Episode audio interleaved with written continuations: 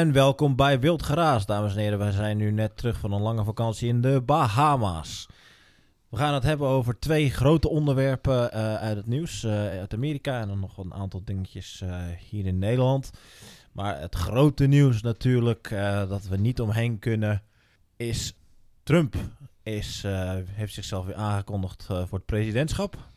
Ja. Elon Musk heeft uiteindelijk Twitter gekocht en is enorm bezig met het doorvoeren van hervormingen. En Trump is terug op Twitter. Is dat De- één nieuwsfeit of zijn dat drie los? eh, Nou, dat, zijn, Het hangt wel samen. dat hangt natuurlijk. samen, laten we het zo zeggen. Dus toen Trump zich heeft, eh, als, pre- als presidentskandidaat heeft aangemeld, dat zal dan in 2024 zijn. ja, dat is voor 2024. Ja. Toen eh, is gelijk ehm, eh, Twitter overgenomen door Musk. Nee, En, en vervolgens is hij nee, nee, op nee, Twitter nee. heeft hij Ja. weer een, eh, een hendel Ja, gekregen. en daarna heeft, hij. Nee. daarna heeft hij de Oekraïnse Starlink-satellieten uitgezet. ja, ja. en schoot hij een auto de, de ruimte in, geloof Ja, ik. Zoiets en- was het. En, en eh, de zoon van eh, Biden die wordt nu gearresteerd omdat eh, ja, eh, hij met, met al dat omkopingsschandaal en zo in de Oekraïne in verband wordt gebracht. En waarom Oh. nou, wat ik wel van die zoon heb geleerd, men zei altijd, cocaïne is een drugs voor losers. Maar die, als je die Biden ziet, die, is aan, die zoon dan, die is aan de drugs. En is maar dat zo'n dit is dan? absoluut een winnaar. Nou, die heeft een topbaan in Oekraïne bij zo'n eh, energiebedrijf. Ja, ja, en hij, heeft er, Hij heeft niet hij eens is voor zo goed, gestudeerd. hij heeft er eigenlijk niks voor hoeven doen. Nee, Dat is echt hij heeft niet eens hoeven studeren. Hij, hij, hij, weet, hij, Dat hè, weet je was toch zo geniaal. niet. Hij wist niks Dat van de toch olieindustrie, maar hij kon gewoon... Nee, maar als hij iets van de kookindustrie weet misschien. Ik Oh, bedoel, ja. je weet helemaal niet waar, wat, waar hoe zijn... Het zijn natuurlijk eh, alleen die- maar geruchten die we is niet kunnen bevestigen. Nee, dat we wat was die man wel niet allemaal kunnen worden zonder zo'n vader? Ja, ik weet niet. Putjeschepper? Nou, ik wil trouwens weten Ik denk waar... dat hij een aardige carrière als dealer zou hebben kunnen Oh, hebben. dat zou natuurlijk kunnen. Daar, daar, Ja, daar kom je de meest eh, rare mensen in tegen. Dus dat en zou waarom is Scott Ritter van Twitter afgegooid? Ik, wie is Scott Ritter? Dat is eh, de man voor de wa- wapencontrole in, eh destijds in eh, Irak. om te kijken eh, of, die, of daar massavernietigingswapens waren. Hij heeft een naam gemaakt. En Ja. is een groot militair expert. Die nu ook exegetische uitleg geeft over de oorlog in de Oekraïne. ja, ja, ja. En, eh, maar ik vind het heel normaal dat hij van Twitter wordt gegooid. Want ik bedoel, je, hij verkondigt toch standpunten die niet eh, overeenkomen met de standaard verhalen. Nou, je had fake news omtrent ehm, WMD's eh, verkondigd, geloof ik. Nee, dat, was hij dat? Ik dacht dat dat Colin Powell was. Maar goed, het, eh, Ja, nou ja, die, zit, die Klein- zit vast nog wel op Twitter dan, denk ik. die ja. zit waarschijnlijk nog wel op Twitter. Ja, het, is, het is eventjes onduidelijk hoe dat zich gaat ontwikkelen allemaal op Ja. sociale media. Ik geloof dat het halve personeelsbestand van Twitter ook eh, gelijk ontslagen is Ja, door Musk. als, als, je, als je al die reacties leest, dat is echt smullen voor, eh, voor ons. Ik vrees dat er niet zo heel veel zal veranderen op Twitter, maar dit soort dingen zijn wel heel erg leuk. Eh, Rachel Maddow is nogal bekend in de Verenigde Staten. Een echt super linkse en super ehm, ja, bekende presentatrice. En die zegt zo van ja, ze had het erover dat je op een gegeven moment een blue check kan kopen. Hè? Dat heeft Musk ingevoerd. Eerst moet je, dat, moest je dat krijgen. Het was eigenlijk een soort Nou, het was heel ontransparant. Het was heel ontransparant, want het was ooit van... als jij kon bevestigen wie je was, dan kreeg je zo'n blue check. Dat was in het begin, ja. dat was in het begin. En toen werd het op een gegeven moment gewoon een beetje zo van... het is een soort ja, goedkeuring. Een Ja, soort de conservatieven kregen ja. het niet of werd Ja. zelfs weggehaald, zeg Ja. maar. Hè? Dus eh, rechtse mensen konden dat niet krijgen. Maar eh, ja, dat was eh, echt een, een kenmerk van als jij goedgekeurd was door het systeem, hè, zeg maar, dan, dan kon je zo'n blue check krijgen. Maar Musk heeft, dat vind ik dan wel heel leuk. Musk is dan een- ook wel een beetje een troll. Die heeft gezegd zo van, nou, je kunt zo'n blue check gewoon kopen. Nee, maar aan de andere kant, het maakt het wel gewoon transparant. Als jij, eh, volgens mij moet je ook verifiëren dat jij, jij, Dat ook, jij echt, jij ook echt jij bent. Dat ja. zou kunnen. Dus, want anders dan zou jij bijvoorbeeld een account kunnen kopen, jezelf eh, geven. Zelensky kunnen noemen en Ja. opeens verklaren dat je op vrede gaat sluiten met Rusland of zo. Ja, Of dat je een acteur bent. Dat doe ik je zo toch- ja. hij is toch een acteur? Oh, oké, oké, oké. ja. Hij Hoe durf je dat nou weer te zeggen? Hij bespeelt de piano met zijn geslacht. Dat, eh, daar hebben we filmpjes van. Ah, dus, eh, ja, ja, ja. of- Ah. Nee, maar Rachel Maddow die zegt zo van ja, als, als je die verificatie zomaar kunt kopen, dan weten de mensen niet meer waar ze naar moeten luisteren. En zo, dat is hoe dem- democratie en sterven, heeft ze eraan toegevoegd. Wel heel mooi, hè? Ja, je weet niet meer waar je als dom volk naar eh, moet Ja. luisteren om je meningen te halen, zeg maar. Dat is natuurlijk wel het standaard standpunt van de oude media. Is van, eh, nou ja, jullie moeten wel naar ons luisteren. Dat hele vrije markt van ideeën, dat moeten we niet hebben. En daarom moeten we ook vooral alles censureren, waaronder, waaronder YouTube en alternatieve media en dergelijke. Ja, daar moet je ook een journalist kopen die al een vinkje heeft. Oh, ja, dat dan is een hoef je goeie. niet apart nog dat vinkje te ja, kopen. Ja, ja. Daar, hebben we een, toch, eh, daar hadden we een mooi boek over van die Duitse, hoe heet die ook alweer? Ulfkotten. Ja, precies. Ja. Gekochte journalisten. Ik heb er altijd een V in gelezen van Vierling. Ja, jij wel, ja, jij wel. Maar, maar ik wil toch eh, eh, kritiek uiten, en nu Oh dat eh, kan. Eh, nu, de, nu het nog kan. Eh, nu we nog niet door de censuur eh, zijn opgeveegd. Mhm. Op, ehm, Ik zie daar wel een Donald- auto de straat in komen die opvallend onopvallend is. Maar ga verder, ja? d- op eh, Donald eh, Een rare schotel op J. Trump. Ehm, hij heeft Ja. natuurlijk ehm, in mijn beleving zijn presidentschap... ja, ik weet Verknald. niet, ja, maar ja. ook afgesloten op een hele rare manier. Hij had toch nog wat beloftes gedaan. Dat hij een aantal eh, belangrijke mensen, eh, een, dat heet dan in Amerika een pardon zou geven. Dus eigenlijk zou... Ja. Een amnes- eh, amnestie zou geven. En Ja. waaronder ehm, die mensen van, ehm, die bij die rellen betrokken zijn. eh, Nee, dat heeft hij nooit beloofd. Dat is het schandalige Oh. juist. Wat hij gedaan heeft, heeft amnestie verleend aan allemaal zwendelaars. En Hmm. aan de eh, zwarte werpers die eh, veroordeeld waren voor eh geweldsdelicten. En ook niet aan Assange. Juist. en niet aan Dat, dat Assange. wilde ik eigenlijk aan. Hij zei, hij heeft uiteindelijk, want een, een journalist die bronnen had dicht bij hem, die heeft dat eh, een beetje kunnen schetsen wat, daar, wat zich daar heeft afgespeeld. En hij wilde uiteindelijk aan Snowden, zou die amnestie willen geven. En ook een hoop documenten uit het verleden openbaar willen maken, waaronder de documenten van de moord op John F. Kennedy. Ja, dat zegt hij allemaal. En, Ja, ehm, of dat zei hij allemaal. Nou, dat zijn uit bronnen uit zijn omgeving dat dat speelde, dat het leefde. Al uiteindelijk is, er, ehm, is hij min of meer gechanteerd door hoge mensen uit de Republikeinse Partij. Dat, ze hem zouden gaan vervolgen ook vanwege die, die rellen eh, rond het kapitool, zeg maar, op in januari. Dat Nou, gebeurt, dat gaat gebeurt niet wel een- toch. dat en dat gaat gebeurt toch- niet toch. En daar is hij voor gezwicht. En, eh, maar daar gaat wel een doorn in zijn zij zijn bij een, een hele herverkiezingscampagne.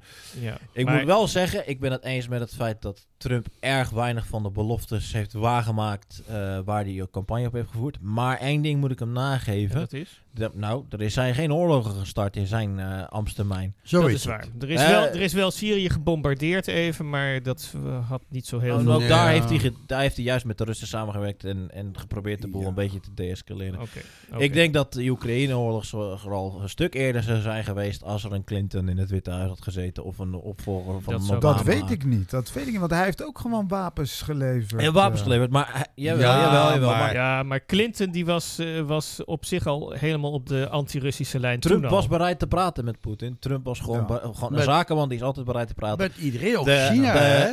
de- het gelijk, Hou op met je China! Ja, Verdomme. gewoon handels, handelsbesprekingen Ja, ja, ja, doen. ja, ja. Maar dat is nog iets heel anders dan... Nou, en die- Trump had een heel duidelijk beleid van we gaan een handelsoorlog met China aan en dat Ja. is gewoon wat we doen. Ja. Maar dat was in het kader, dacht ik, van eh, de herindustrialisatie van Amerika. En dat zou op zich goed zijn voor, de, eh, voor het Midden-Amerika, waar veel blanke kiezers wonen natuurlijk. Ja. Ja, ja, maar ja. ja, of dat, hij heeft er uiteindelijk toch niet zo heel veel van gebakken, geloof ik, hoor, wat dat betreft. Nee, de reindustrialisatie is een... eh, Nou ja, wat een... Maar ja, corona ook, kwam ook in die tijd. Ik Mm, vind wel dat je ziet dat die Amerikaanse instellingen, hè, FBI en noem maar op, die zijn toch wel heel erg geïnstrumentaliseerd door die democratische aanvallen. En daardoor is toch ook het enorm, het vertrouwen in die federale instellingen enorm gezakt. Zeker in de FBI bijvoorbeeld. In een, in een heel gepolariseerd land, dat heb Ja. ik dan wel begrepen. En in die zin, als je, ja, hoor eens, je moet eerst chaos hebben voordat je weer wat kunt bereiken, dialectisch gezien. Dus ik zie nog, eh, zijn verlies hoeft nog niet een uiteindelijk verlies te zijn. Hè? Hij is wonderwel niet doodgeschoten en kan dus Nee. blijkbaar nog terugkomen. Nee, maar ja, hij heeft ook zoveel gedaan voor Israël. Dat is, ze mogen wel wat terug doen, vind ik dan. Nou ja, kijk, eh, ik, ik denk niet dat de kans groot is dat hij herverkozen wordt. Ik vraag me Nee, ook af of ook hij niet. de, Er komt natuurlijk sowieso, dat sinds speelt iedereen al op, er komt een tweestrijd tussen Ron DeSantis en Trump. Ja. Waarschijnlijk voor eh, de, kandidaat voor de Republikeinse Partij in 2024. Wie weet doen er nog anderen mee. Bijvoorbeeld, we hebben nog die Texaanse senator, weet ik weer. ehm, Niet Jeff Sessions bedoel je. nee, nee, nee, nee, nee, nee. Ik bedoel de, de, de, de Republikein. Abbott. Heet hij niet Abbott? Nee, nee. Nee, dan Eh, weet ik het ook niet. Cruise. Cruise. Oh, ja. Eh, niet Tom Cruise helaas. nee, maar niet een Tom of andere, nee, nee, een of andere Hispanic geloof ik. eh, ja, dat. wel heel blanke is, ben ik hoor. Maar ja, nee, dus die is een potentie. En daar heb je een paar. Maar ik heb wel het idee dat die Republikeinse Partij een stuk meer. Er is een interne politieke strijd geweest. Ook nu met die midtermverkiezingen zag je dat ook veel meer de Ja. Trump-lijnlui meer zetels wonnen. Nee, nee. Degene die, de, degene die gesteund werd door Trump, die eh, hadden juist daar heel erg veel last van. Hadden er veel last van, maar de, de algemene lijn in de partij is meer richting wat Trump. eh, ja, maar goed. stond. Nou ja, oké. maar ik denk dus dat Trump eh, ja, helemaal niks eh, bereikt. En ook eh, wezenlijk eigenlijk niks voorstelt. Ik vind, ik vind enige- niks bereiken vind ik op zich prima.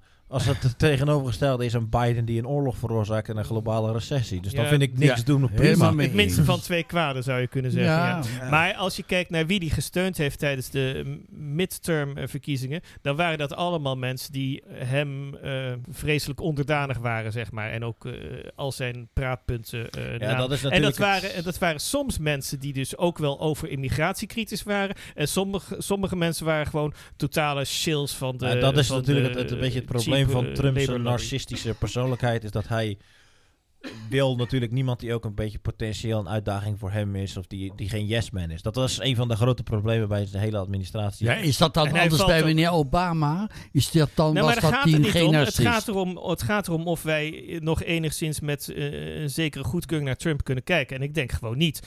Hij heeft nu ook DeSantis gewoon eh, aangevallen. Hè? Zo van, ja, ik heb hem daar neergezet. Slaat hij zich weer op de borst, weet je wel. En eh, nu verpleegt hij verraad en zo, weet je wel. Het gaat alleen maar om Trump. Het gaat niet om echt werkelijke standpunten of zo. Het is alleen maar Trump, Trump, Trump, Trump, Trump.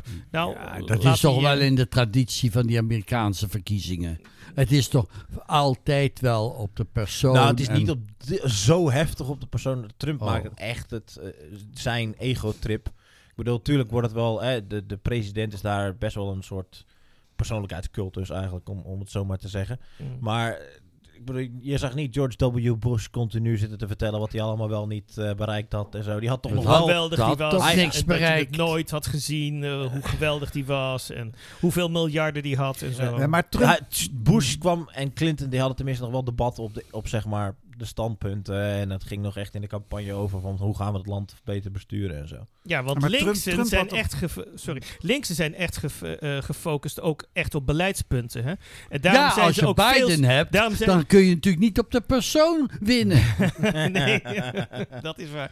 Nee, maar ik bedoel, daarom zijn links ook veel succesvoller dan rechtsen. Want rechtsen die zien het als een soort eh, ja, bokswedstrijd waarbij de dan hun, hun man wint. Maar ze kijken veel te weinig naar gewoon de standpunten die verkondigd worden. Veel mensen die, die zijn nog steeds idolaat van Trump. Terwijl, hè, ook in Midden-Amerika. Terwijl die niets doet aan, die, aan de immigratie bijvoorbeeld. Hij heeft het ook niet meer eh, genoemd tijdens zijn, ehm, zijn aankondigingstoespraak.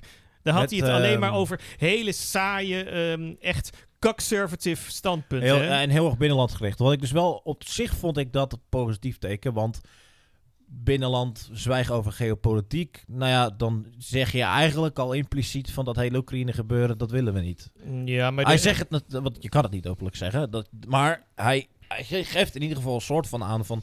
We gaan niet dat eh, geopolitieke eh, world policeman spelen. Ja, ik weet het niet. De Republikeinen in de Senaat en zo, die ondersteunen de Oekraïne-oorlog eh, totaal. Hè? Dus wat dat betreft.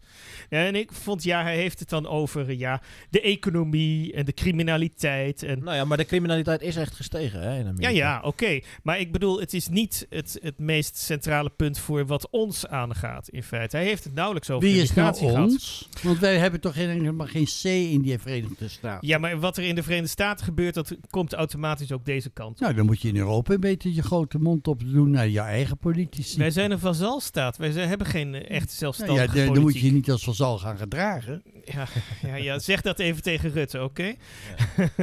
Nee, dat zeg ik tegen je, tegen de Nederlandse en Europese bevolking. Die moeten kijken naar hun eigen politici. We moeten een opstand hebben. Wij komen een revolutie van ja, loop, daar verwachten. heeft die Ja, meneer. Van Meijer gelijk in. Je moet hier naar het Binnenhof lopen en naar Brussel. Ik geloof Dan niet dat dat heel veel effect heeft. Dat, ze hebben dat geprobeerd toen op die eh, januari demonstraties in, in Amerika. Dat heeft ook, eh, toen toch geen effect gehad, of wel? Nee, maar Nee. dat we kunnen hier ook helemaal niet demonstreren. Moet ik het nou weer herhalen? Ja, Hoe ja. ze dat in eh, 89 in, in China deden. Helemaal niet als individuen met een bordje ja, op maar ze werden wel gewoon eh, eh, met de grond gelijk gemaakt, die Wie? demonstranten. Wie? Waar? Op het uh, Tiananmen Niet, Square. helemaal niet waar. Ja, tuurlijk. Het is absoluut Nooit niet gebeurd. waar. Nee, nee, gebeurd. nee, dat ben Nee. ik. Nee, maar ik laat me Stalin. onwaarheden vertellen. poetsen Xi Jinping weg. Xi Jinping lijkt ook absoluut Tiananmen niet is helemaal op Winnie niet- de Pooh. Nee, nee, nee. Dan moet je de Tiananmen Papers van, eh van Chang en van eh Van en Amerikaanse... Nee, van Amerikaanse eh eh, ge- ehm, publiceren. Ja, geloof Dus nou nou echt. absoluut niet waar. Ik er is op de... Er is ook geen Taiwan.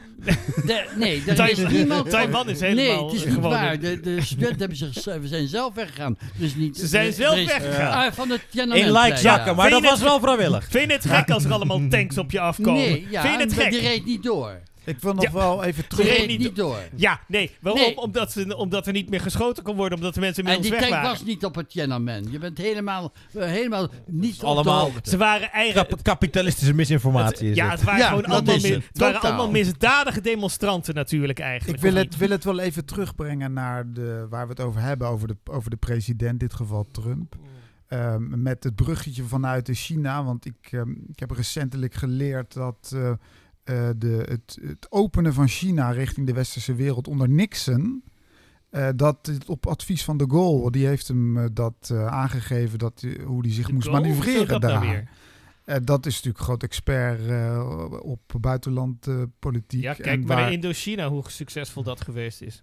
dat was minder succesvol, maar... Dat was niet van de goal. Nee? Nee, dat was voor de goal Die, inderdaad. reageerde, Ja. die reageerde Nee, toen niet. De goal was 58, 68. Ja. Oké, maar de Amerikanen hebben toen overgenomen, min of meer. Die hebben de Fransen gezegd zo van, nou, wij zullen het wel even opknappen daar in Vietnam. Ja, ze moesten ze daar bevechten, zodat ze ze niet hier moesten Oh, vechten. ja, ja, ja, ja, ja, ja. Dat is het, de klassieke Nee, maar ik, ik, wilde, ik wilde zeggen... van- We, we willen geen Vietnamese lumpia-verkopers hier, dus moeten we daar naartoe gaan om ze daar te bevechten. Ja, Ja. duidelijk. En, ehm, daar, ik heb toen ook een, een ander beeld van, en, van Nixon gekregen. En ehm, de vraag is natuurlijk hoe goed is het beeld dat we nu van Trump hebben, zonder dat daar echt goed onderzoek is naar gedaan van ja, wat, wat, ehm, ja, wat heeft hij nou van zijn programma kunnen verwezenlijken? Wat is dat eigenlijk ja, nou dat voor kan je een man? toch zien. Ik bedoel, Toch wel. eh, wat hij beloofd heeft. Ja, de, de Een muur, er is geen muur. Migratie, er is geen reductie geweest in migratie. Cultuurlog, verder op scherp gesteld. Criminaliteit gestegen.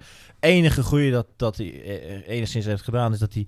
eh, hij probeerde de Amerikaanse economie te stabiliseren tot corona, moet ik eerlijk toegeven. Toen heeft hij zelf ook dezelfde fout gemaakt als de meeste regeringen in de wereld met printen en et cetera. Maar hij probeerde de interne eh, economie te stabiliseren en zijn, vo- zijn stemmerbasis geld te, ge- te geven door banen te creëren en zo.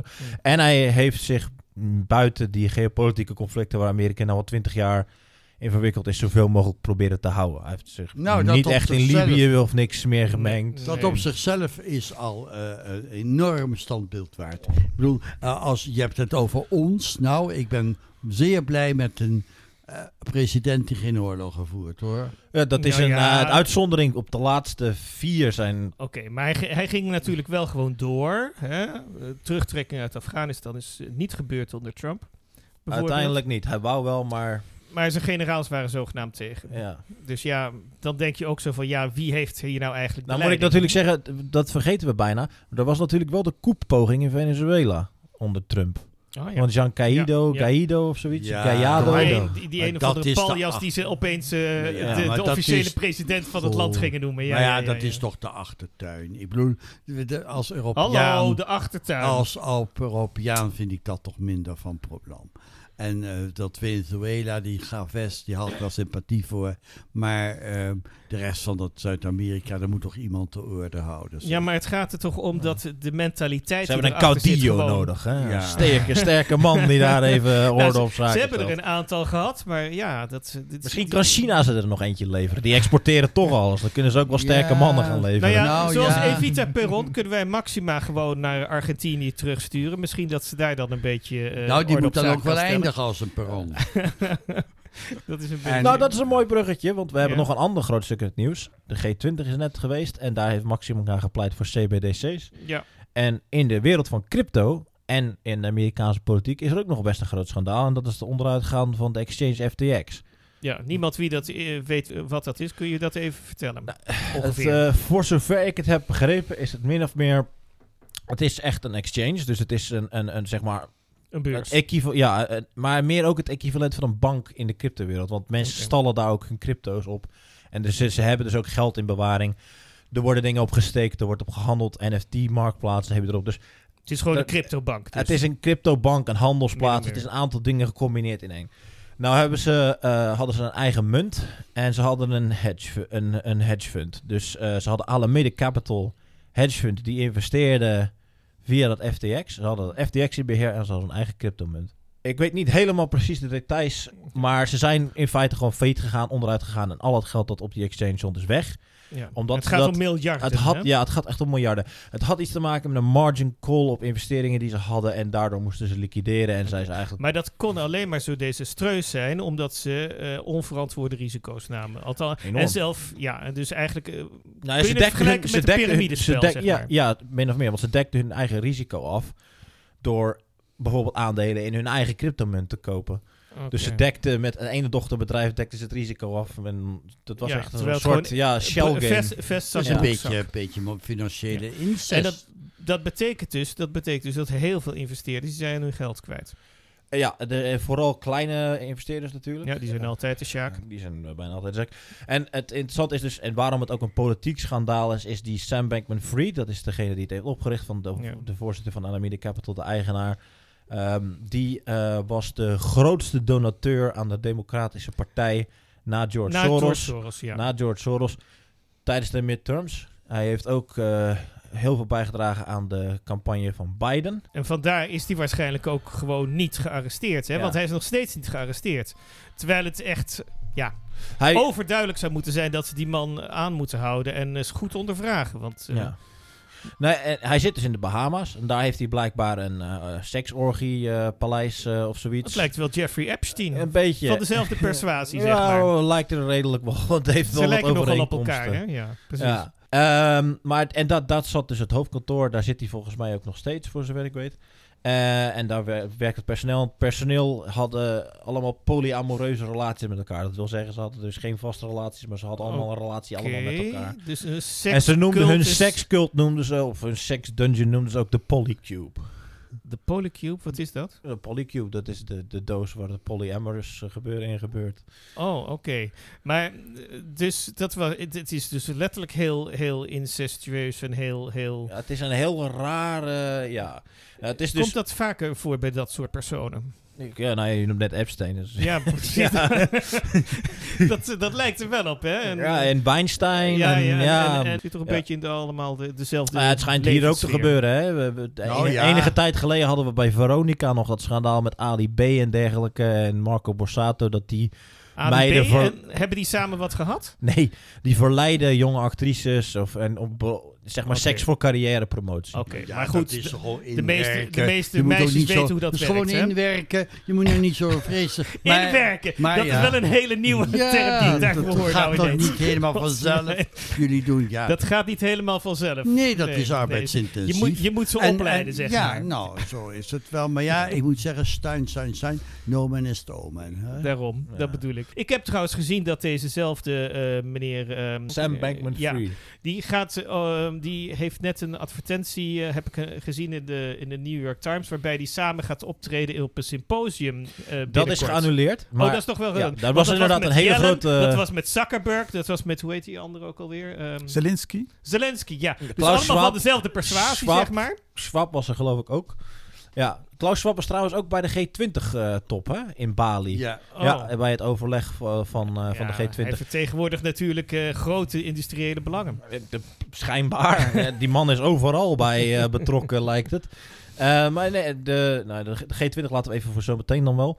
Maar eh, nee, die Bankman-Fried is, die heeft dus echt diepe connectie. Zijn moeder zat al in een fonds dat geld zamelt voor democraten. Oké. En zijn hele, zijn hele goedmaker praatje. En daar had hij dus een heel artikel van een voorpagina geloof ik in de Washington Post eh, was dat gedenk ik. Wat voor excuses had hij dan? Nou, zijn hele ding, zijn hele marketingpraatje was dat hij ehm earn to give model. Dus al hun winst werd gedoneerd. Ja, maar dat Dus- is helemaal niet waar. Er is heel veel geld verdwenen naar andere doelen. Net als met BLM, zeg maar. Eh, eh, persoonlijke Maar- doelen bedoel ik dan. Hè. Ja, maar goed, dat is wel. gegeven Maar aan goed, liefdadigheid, hè? Want ja, goed, uh, Hij, doneert aan een hij was zo arm, partij. hij had nog een paar huizen nodig, zeg maar. Ja, nou, dat zijn het soort dingen. Ik, ik, we, we beschuldigen niemand ergens van. En de, de zaak is natuurlijk nog niet bij de Ja, rechter geweest. Hè? We Maar willen niet van toch- smaad beticht worden. Maar de man heeft waarschijnlijk zwaar fraude gepleegd. nou ja, auto, autocharité heet dat. Hè? Maar dat ik is een denk- soort zelfbevrediging, maar dan met Ja. geld, zeg maar. Maar ik denk dat je het niet moet zien als... Hij steunt natuurlijk de Democratische Partij. Maar dat moet je dan denk ik niet zien als dat hij die opvattingen genegen is. Maar dat hij zo probeert zich vrij te kopen. De- Doordat Nou, hij Nee, negen hij heeft geld gedaan voordat hij eh, de- in deze moeilijkheden Ja, maar kwam. regeren is vooruitzien. Hij had natuurlijk, wist natuurlijk wel, over Maar- een tijdje kom ik een keer in de problemen. Maar 99% En als van zijn donaties waren aan democraten. 1% waren aan de republikeinen. En vraag ook maar niet wat voor republikeinen. Al natuurlijk de meest centristische Oh. types die je had. Ja, ja, ja. Maar als hij echt alleen zich wou indekken tegen risico door politieke vrienden te maken, dan moet je niet, natuurlijk niet zo partijdig zijn. Ik dus, bedoel, be- dus bewezen. ja, dan moet je aan alle tweede dan partijen wil je aan beide, beide walletjes eten Ja. natuurlijk. Nou, of je moet geven aan die partij die, die eh, op eh, winst staat in de peilingen, zeg maar. Dat is natuurlijk de beste investering dan. Ja, dat nou, maakt hoezo? niet uit of democraten of republikeinen zijn. Ideaal, ideaal, ideeel de, de democratie onder, onderbouwen. Ik bedoel, je kunt toch Welke democratie? Eh, van de Democratische Partij. Oh, oké. Nee, ik, ik heb ook echt de indruk dat Amerika een buitengewoon eh, Ja, democratisch het is een heel goed systeem. Het is, eh, ze- India is een land van 1,2, 1,3 miljard. Het wordt dagelijks meer Ja. eh, mensen. Maar die kunnen wel binnen een dag een eh, verkiezing zonder echt grote fraudeschandalen afronden. Terwijl het zogenaamd rijkste land ter wereld, beste land ter wereld, home of the free, Ja, home of the hiep, free, home of the brave, die, ja. die doen er een maandje over Ja, om een verkiezing af te er, er ronden. worden nu nog steeds eh, stemmen geteld. Hè? Waar die allemaal vandaan komen weten we niet. Maar het is echt... eh, Het is, het is een bende daar, gewoon ook vanwege het gebrek aan een burgerlijke stand. Ze hebben daar niet eh, een centrale, ze hebben daar niet echt een BSN-nummer. Een social security nummer zoals dat in Amerika hebben, is letterlijk gewoon een oplopend nummer. Dus als jij weet wanneer jij geboren bent en je weet wanneer je buurman geboren is en dat zit een beetje bij elkaar in de buurt, dan kun je best gokken wat zijn social security nummer is. Want het zal een paar nummers hoger zijn. Oké, maar, Ja, ja, maar ik heb ook begrepen dat heel veel dode mensen stemmen voor de democraten. Ja, nou ja, dat, dat is ook dus een raar aan het systeem daar. Is dus dat je, krijgt dus omdat je niet een burgerlijke stand hebt, niet automatisch een kiesbiljet. Je moet jezelf inschrijven om te kiezen. Dan moet je je melden bij welke Ja. partij. Dat is dan natuurlijk eigenlijk niet helemaal Heel conform het idee van, weet je wel, een als- geheime stem. Ja, en als mensen dood zijn, kunnen ze niets uitschrijven natuurlijk. nee, dus Dus- dat gaat nog alles fout. Er is daar natuurlijk eh, al in 2000, of misschien daarvoor ook al, maar, nou, met, maar zeker in 2000 met die Bush-Gore-verkiezing is duidelijk fraude toen in, eh, in Florida In Florida gepleegd. was het echt En, heel eh, omstreden. daarom ja. heeft Bush gewonnen. En eh, de, dit is toch ook volgens mij wel duidelijk dat eh, in ieder geval in één of twee van die staten in Amerika, dat daar ehm, in 2020 Trump eigenlijk had gewonnen en niet eh Biden. Ja, Dat weet vind ik een heel- dat- dat is wel- Dubieuze, dubieuze praktijken. Dat, die- Eh, het Ja, is een heel, dat is een heel stellige aanname. ja. Laten we zo zeggen. Dat Amerikaanse systeem is niet op orde en daar, gaan dingen gewoon fout. Maar en waarom is waar- het ook zo dat je helemaal geen eh, eh, identificatie hoeft te tonen als je gaat stemmen, Het is zelfs verboden in sommige staten. om dat te eisen? Ja, want eh, dat is eh, discriminerend, weet ik veel wat. Dat, Ja. Maar waarom heeft Trump, dan gaat hij nog een keer meedoen met de kans dat ze weer natuurlijk de boel eh, trucken. En dan, ehm, Ja. Dat, dat snap ik nooit. Ik denk dat, je ze, daar niet, oh, ik denk dat ze er alles aan zullen doen om hem bij buiten te houden. Ze zijn totaal hysterisch. Kijk Ja. maar naar die reacties. Het feit dat hij toen op dus nu op Twitter weer toegestaan werd. Mensen die zeiden te zeggen, dit gaat levens kosten. Hoeveel Ja, doden moeten er idioot, vallen? het En Deze man heeft de democratie direct aangevallen en een dodelijke rel veroorzaakt in het eh, hart van onze democratie. Eh, Ik ben natuurlijk een vreselijke complottheoreticus volgens eh, de overheid. Maar ik denk zo van dat het is natuurlijk wel ideaal om de Republikeinse partij helemaal te verdelen. Hè? Want je zult zien dat er dan een strijd komt tussen DeSantis en, en Trump. En dan zullen er ook een eh, wat mensen zijn die gewoon afhaken omdat hun favoriet niet eh, de presidentskandidatuur heeft gekregen. Vermoed ik zo. Dus ja, kijk, de Republikeinen die, die hoeven eh, eigenlijk helemaal niet te winnen. Die willen vaak ook helemaal niet winnen. Anders zouden ze wel andere thema's aansnijden. Het is een soort gecontroleerde Nou oppositie. ja, er is nog steeds een Dus- soort burgeroorlog in die partij gaande tussen de meer populistische lui zoals een DeSantis, zoals een eh, ja. eh, Paul, hoe heet je ook weer, niet Ron, Rand, Rand, Paul, Paul, Rand Paul, ja. Cruz, dergelijke, die Rand meer populistisch, meer, meer. conservatief zijn. Misschien meer, maar ik... Vergis je ook niet, hè? Kijk, dat hele abortus-ding. Ja, dat ze hebben, ze hebben de, een belangrijke rechtszaak, hoe heet ook weer? eh, in dat Roe versus Wade. Roe Ja. versus Wade hebben ze teruggetrokken in dat hoge rechtshof natuurlijk. En toen zijn er gelijk een heleboel van die staten die hebben gelijk abortus echt illegaal gemaakt. Ja, En ja. nou, dat soort thema's is natuurlijk een splijtswam binnen die partij. Het is ja, ook een en dat groot vinden de thema democraten geweest. dus heerlijk. Hè? Dat, eh, en er, er wordt zelf getheoretiseerd. Eh, David Cole bijvoorbeeld op de Taki magazine. Die heeft gezegd zo van ja, eh, dat, eh, dat is echt ideaal voor democraten. Die staan te juichen als de republikeinen weer zo enorm op abortus gaan focussen. Want eh, hè, dat is heel anders dan de Ja, gemiddelde het is maar Amerikaan de denkt. vraag hoeveel mensen erop afhaken op abortus. Maar nee, er is echt wel data dat er heel veel vrouwen zijn afgehaakt. Juist op het abortusding. Oh, oké. Ik had eigenlijk meer het beeld van al die hysterische vrouwen die abortus zo belangrijk vinden, die stemmen toch wel democratisch. Nou, nee, nee, nee. nee. Het, is, het is ook bij Republikeinse vrouwen toch wel een, een hot eh, item hoor. Ja, dus, nou, eh, dan is het echt wel een strategische vergissing van ze geweest. Maar ja, goed. ja, ze, ze zijn niet slim als ze daar zo enorm de nadruk op leggen. Hebben we nog eh, voor de rest iets over onze Amerikaanse clown overlords te zeggen? Want, Nou ja, ik wou alleen maar zeggen, die, die toespraak van Trump bij zijn aankondiging was zo low energy, zeg maar, dat zelfs eh, Jeb Bush, die, eh, hè, de gefaalde Jeb Bush, de presidentskandidaat, dat die op een gegeven moment eh, op Twitter zei ze van, oh, what a low energy speech by the Donald. Time for new leaders. En dan had hij een, een hashtag bijgezet, Sleepy Donny.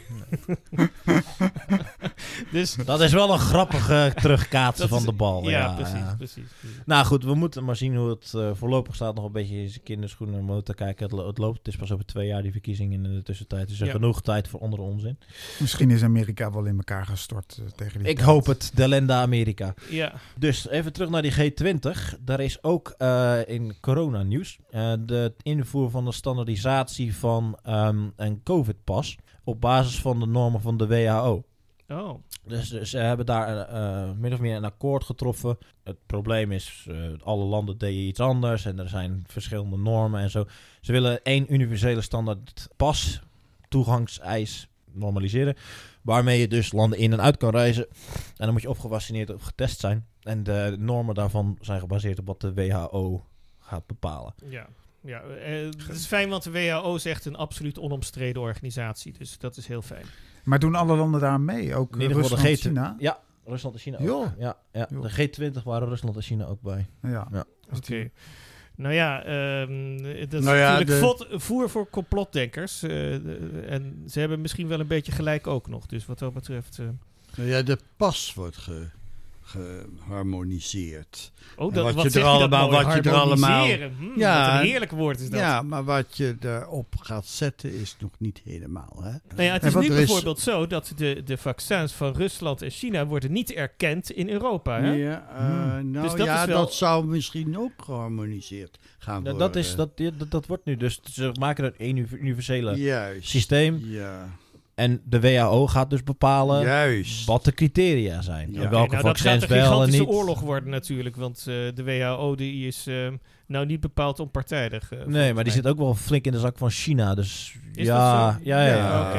ja, ja. Weet je nog, eh, toen bij corona was er een, een, een incident waarin eh een journalist aan iemand van de WHO vroeg over hoe het nou zat met Taiwan. Mm. En die man die, het- die, die zweeg gewoon. Die, die, die, die zegt, die zegt, hij zei niet eens van Taiwan? What, what is Taiwan? I don't know Taiwan. ja. Nee, dit was een blanke vent van de WHO. Oh, oké. Ja, ja, ja. Maar die weigerde gewoon eh, vragen omtrent Taiwan te beantwoorden. En dat was duidelijk gewoon omdat hij anders Oké. het erkennen van het bestaan van Taiwan schoffeert. Ja, of omdat Dus- het niks met eh, medische zaken van toepassing Nou, het was wel een het was omtrent een medische vraag van hoe het Ah. beleid in Taiwan eruit zag en dergelijke. Maar het beleid bijvoorbeeld in eh, China, als je dat vergelijkt met dat van Rusland. Rusland heeft een heel laks beleid. Sommigen zijn heel, Heel vrij streng. beleid, zullen we maar zeggen. Vrij beleid, ja, hoe je het wil, om, wil noemen. Bijvoorbeeld in Moskou Ja, is heel is, strikt eh, beleid geweest. En de rest van Rusland het is, het is veel nog minder niet... strikt. En China heeft juist natuurlijk extreem Ja, maar dit is niet standaardisering van beleid. Het is Begrijp ik. Maar dan... eh, zijn als je natuurlijk anders. verplicht iedereen te vaccineren... dan ehm, heeft dat natuurlijk ook zo gevolgen voor zo'n paspoort. Ja, ja, ja, tuurlijk. Maar het het, het, gebruik het, het, daarvan, het ja. principe Ja, is dat dat is alleen het paspoort voor toegang en, en testen en standaardisatie. Ze hebben het wel gehad over preparedness voor de volgende eh, pandemie. En dat daar ook meer standaardisatie in de respons moet komen. Maar daar is volgens mij nog niks definitief vastgelegd. Nou, als, en de complotdenkers denken dan gelijk zo van... Dat is dus een aankondiging Ja. dat er een volgende pandemie gaat komen. Hè? Er werd wel in dat, er werd wel in dat eh, G20-akkoord eh, vastgelegd dat de mRNA-vaccintechnologie werkt. En dat die- Hoezo kunnen ze dat eh, bepalen? dat bepaalden ze. En die wordt gewoon voortgezet. Die gaan ze verder mee met nou, gebruiken. sorry, het doet een beetje denken aan de DSM 4 of 5. Ik weet niet welk nummer ze inmiddels zijn. Waarbij op een gegeven moment dus dan eh transseksualiteit wordt niet meer gezien als een afwijking. Maar extreme eh, standpunten eh, wordt wel gezien als een afwijking. Politieke standpunten wordt wel gezien als een afwijking. Dat wordt gewoon eh, gedaan door over te stemmen. Hè? Zo van, eh, nou, wie is ervoor dat transseksualiteit geen eh, medische afwijking meer is, geen psychologische afwijking meer is? Nou, zoveel stemmen voor. Nou, gaat het er weer. eh, Maar dat is ook bij de DS, het samenstellen van de DSM-3 was dus eh, homoseksualiteit als geestelijke afwijking ter sprake. En Ja. toen is het door continu lobby en activisme van eh, Ja. LGBT-groepen hebben ze succesvol eh, homoseksualiteit uit de DSM weten te krijgen. Ja. En dat had niks te maken met medisch onderzoek of wat dan ook. Ja. Dat was een consensusgedreven lobby-beslissing. ja.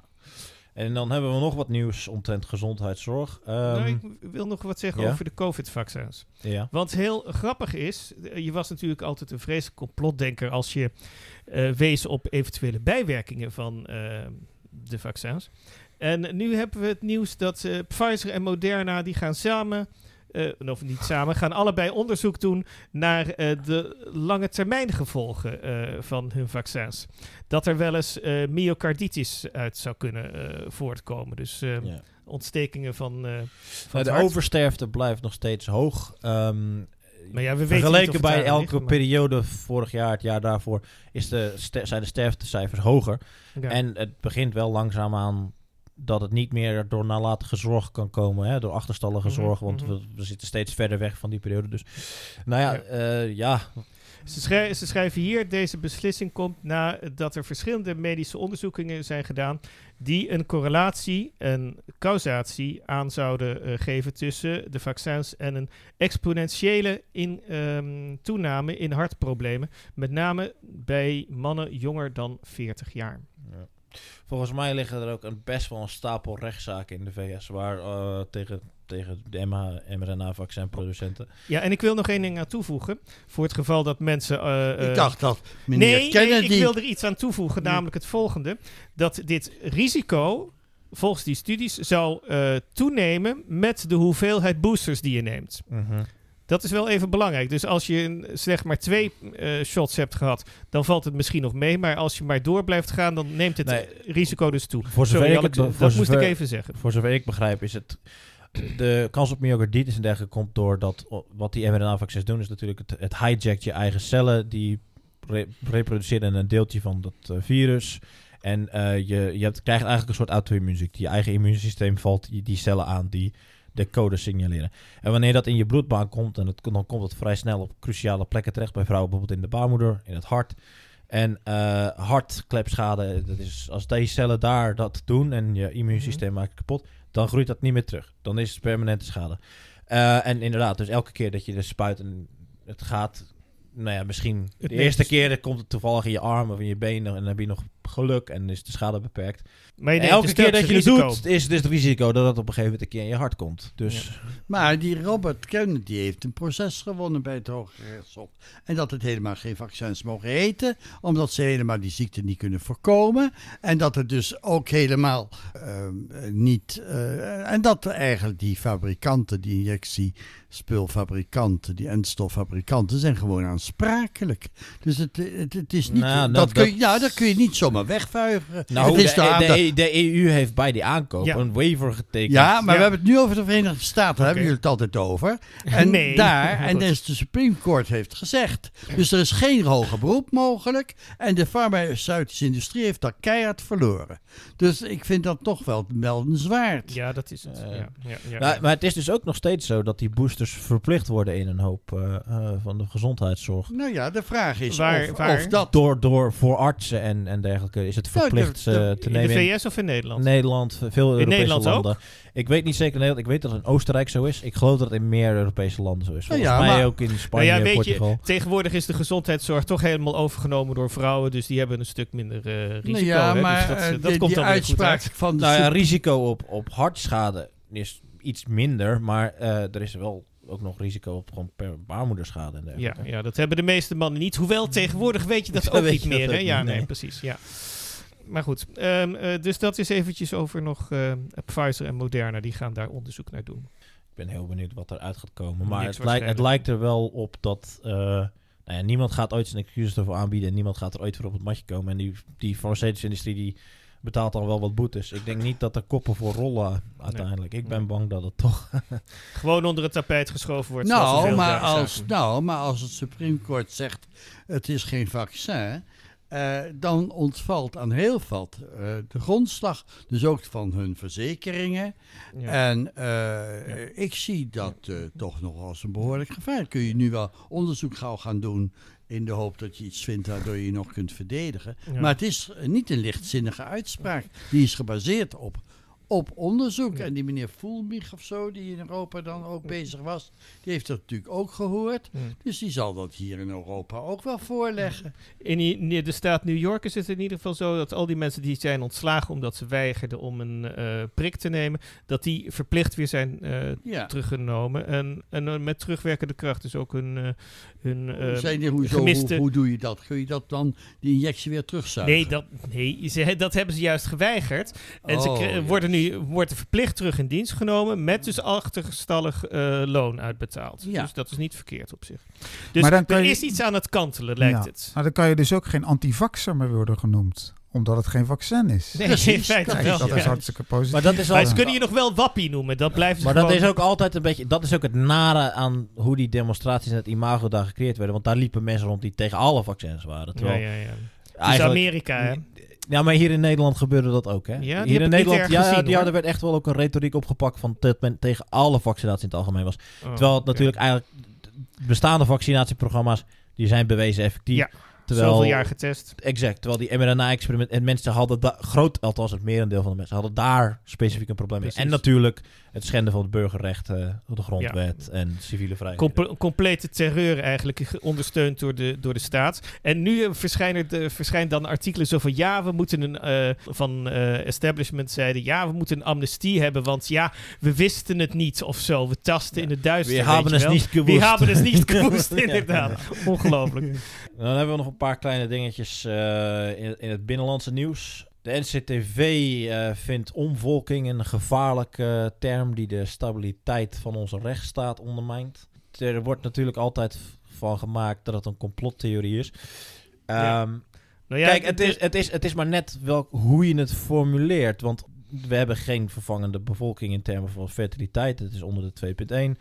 Migratie, uiteindelijk, als je gewoon de som doet, dan al, de autochtone bevolking in, in haar aandeel daalt en de allochtone stijgt. En dat, dat, is, dat is zo simpel als dat je kan rekenen. objectieve democratische Precies, daar kan je de cijfers van het CBS bij pakken. Dat, dat, is, daar is niks echt heel conspiratorieels aan. Maar... Maar er zijn, er zijn natuurlijk mensen die daar dan een heel verhaal aan hangen. Dat het een doelbewuste, weet ik veel, koude overallergie, al die dingen erbij halen. En dat Dus- mag niet. Nee, en ik begrijp ook enigszins wel dat, omdat het ook moeilijk aan te tonen is en dergelijke. Maar het, het probleem is dat door het, op die complottheorie te gooien, maken ze eigenlijk eh, de demografische feiten onbespreekbaar. En Ja, dat is precies. natuurlijk wat ze proberen te doen. Ja. Is dat dit is wel een issue, het is iets dat gebeurt. Het heeft enorme, hè, demografische verschuiving heeft enorme implicaties op economisch, sociaal en cultureel en religieus en weet ik veel wat voor niveau. Ja. En die discussie willen ze Ja, natuurlijk maar ik sluiten. denk, ik denk dat het ze niet zal lukken. En ik denk dat het keihard in hun gezicht terug zal slaan. Want eh, ja, het is overduidelijk dat het gebeurt. En de mensen zullen toch heel moeilijk eh, eh, het onderscheid kunnen maken tussen ja, of het doelbewust gebeurt of niet doelbewust Het- gebeurt. het- dat is een subtiel onderscheid dat de meeste mensen niet zullen maken. Maar is daar hameren ze, hameren ze wel Nou, het verdomd op. vervelende is natuurlijk dat FVD hetgene zijn, en soms Wilders, die daar het over hebben. En die gooien het dan altijd in die termen van eh, veel te complottig. Net zoals weer, ze zijn gewoon onhandig in hun presentatie. Ja, misschien wel bewust, weet jij veel. Maar, maar Van de FVD. Misschien. Ja, maar in ieder geval, eh, de- we hebben hier eh, kennelijk een eh, eh, Nationaal Coördinator Terrorismebestrijding en Veiligheid. Wat, Ah. wat klinkt dat mooi, hè? En eh, dat is Pieter Jaap Aalbersberg. Ja. En die zegt, ja, deze theorie die ehm, bedreigt de sociale samenhang in Nederland. Ja, ik zou zeggen, als je de hele tijd mensen importeert, dat dat een bedreiging is voor de sociale samenhang. Maar goed. Maar ze, in hun omschrijving ze- maken ze het zo scherp en zo, zo, zo eng mogelijk, zeg maar. Hè? Want dan hebben ze dus, eh, ja, een verborgen elite die doelbewust de bevolkingssamenstelling in het Westen eh, zal veranderen door het aantal blanken terug te dringen en de grenzen open te gooien voor andere etnische groepen. Ja, maar Ja. hoezo is het een verborgen elite? Het is toch gewoon Het staatsbeleid is dat, staatsbeleid. dat eh, diversiteit gepromoveerd moet worden. Ja. En we moeten x hoeveelheid quota en er moet een representatief aantal van de bevolking in elke functie. Precies. Dat dus- is dan toch geen complottheorie? Nee, nee, nee, helemaal niet. Het- maar, maar ze proberen het zo eng mogelijk voor te stellen. Net alsof het de hagedissen zijn van eh, David Icke, zeg maar. Ja, ja. Dus, De maan is een ei. ja, dus dat is echt... eh, Door ze het zo eng voor te stellen, ja, we proberen, denken mensen, nou, nou, nou, dat is wel heel eng, daar gaan we, gaan we niet aan meedoen, eh, zeg maar. Maar inderdaad, wat je zegt, het wordt gewoon openlijk gedaan. En het is natuurlijk ook wel zo, kijk, de bevolkingssamenstelling verandert. De elite zoals wij die waarnemen, die doet daar niets tegen. Op zijn minst is het, en eigenlijk is het zelfs zo dat ze er bezig zijn om het te Die bevorderen. hebben, die hebben toch continu fora en congressen waarin ze praten over het belang van diversiteit. En, Maar is het dan vreemd? Is het dan vreemd dat mensen in Nederland denken zo van ja, maar het zijn toch onze volksvertegenwoordigers en ze eh, behartigen onze belangen helemaal niet? Is het dan niet logisch dat mensen gaan denken zo van ja, daar moet een, iets, iets verborgens achter zitten wat wij niet kennen? Want ja. Ze doen helemaal niet wat wij willen. En, en terwijl we toch dat duidelijk eh, allemaal voelen, min of meer. Dat is toch raar? Het zijn Ja. dus eigenlijk helemaal geen volksvertegenwoordigers, maar Nee. het zijn omvolkingsvertegenwoordigers. Omvolkingsvertegenwoordigers. Ja, Nee, daar en, had ik er nog niet over en, nagedacht. en, en het is natuurlijk, wanneer het gewoon een beetje open, duidelijk lobbyisme is, zoals wanneer Rutte dan probeert de dividendbelasting af te schappen ten gunste van Shell en Unilever, Ja. dan is het tenminste nog een beetje open en eerlijke corruptie. En dan weet je tenminste wat er aan de hand Eerlijke is. corruptie. Eh, maar er zitten dan allemaal van al die denktanks. Ik bedoel, het blijft toch. Ik, ik wil niet te complotterig over met George Soros en Klaus Schwab. Maar laten we eerlijk zijn, die mensen hebben wel erg veel invloed voor wat ze eigenlijk zijn en hebben gedaan. Ja. Eh, en ze, zitten, komt, nou, ze zitten weer bij de G20. Ze zitten weer bij eh Allerlei overleg, eh, overleggroepen en zo. En je denkt, ja, wat, ik wat denk is dat dan toch ook? dat En dat doen ze trouwens ook openlijk, hè? Gewoon in Davos, ehm, heel openlijk, zeg maar, wordt het ook allemaal gezegd.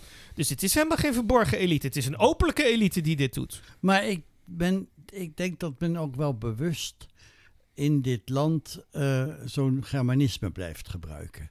Omvolking, het klinkt nog altijd enger. Eh, het is natuurlijk raar. Kijk, je hebt in het verkeer heb je borden omleiding. Dat is ook een Germanisme, want eh, wij moeten zeggen wegomlegging, maar dat is een lang woord. Ja, Dan kun je precies. natuurlijk moeilijk gaan spreken over volksomlegging. Hoe kan je nou een Germanisme hebben in een. Germaanse taal? Ja, dat is ook Ja, een beetje... Germanisme is een overname van, een, eh, van het Duits in het Nederlands. Ja, gewoon Nederlands, van het nee, nee. Hoogduits naar het Ja, Nederduits. ja. Bedoel- wij, dat wij een dat dialect zijn van het Duits heb ik al Nee, andersom. Zij helemaal zijn, nooit mogen zij zijn zeggen. dialect van, Nou zij ja. zijn dialect van ons. Je Moet, kunt moet, natuurlijk- moet- moeten ze in Beieren gaan Maar klagen goed. wanneer ze een term die vooral in Saxen wordt Door gebruikt? jullie dan- gekakel is mijn mooie parabel eh, volksomlegging. Nee, kun je nee. natuurlijk die niet gebruiken. Nee, ga dus maar daarom verder. moet je zeggen volks, vervanging. Maar dat, mag, dat, wordt, dat heeft dus geen ingang gevonden. Dus men, Nee. nou blijft men bij omvolking. Ja, het stoort aan mijn oren. Maar goed, ehm, Nou, het ik maakt mij vind niet uit. Het Opvolking stoort nog heel wat meer dan alleen maar ja, mijn oren, eerlijk nou, gezegd. dat, dat heb ik ook wel een Nou, hij beetje. zou het het liefst in het Chinees horen. En als er dan allemaal Chinezen hier naartoe zouden komen, dan zou het prima zijn. Nou, dat is dan een betere, zou een betere vertaling zijn voor de Grand Remplacement van Renaud Camus. Ja. Die, eh, Maar Fransen dit is houden van de grote grote, woorden. vo- grote volksvervanging. Ja, ja. Ja, Ja, dat klinkt, daarom- is eigenlijk een beter eh, te vertalen. Ja, maar in het Nederlands is dat niet een term die direct aanspreekt. Ja, nu Omvolking niet is heel duidelijk, heel Ja. kort, heel, eh, heel nee, krachtig. ja, omdat heel het- krachtig. Ja, ze vinden Ja. het ook eng omdat het toch half Duits is. Maar ik vind het niet erg, Nou, want ik heb in, niks tegen het Duits. Alleen, eh, en, en als Alleen het, tegen omvolking.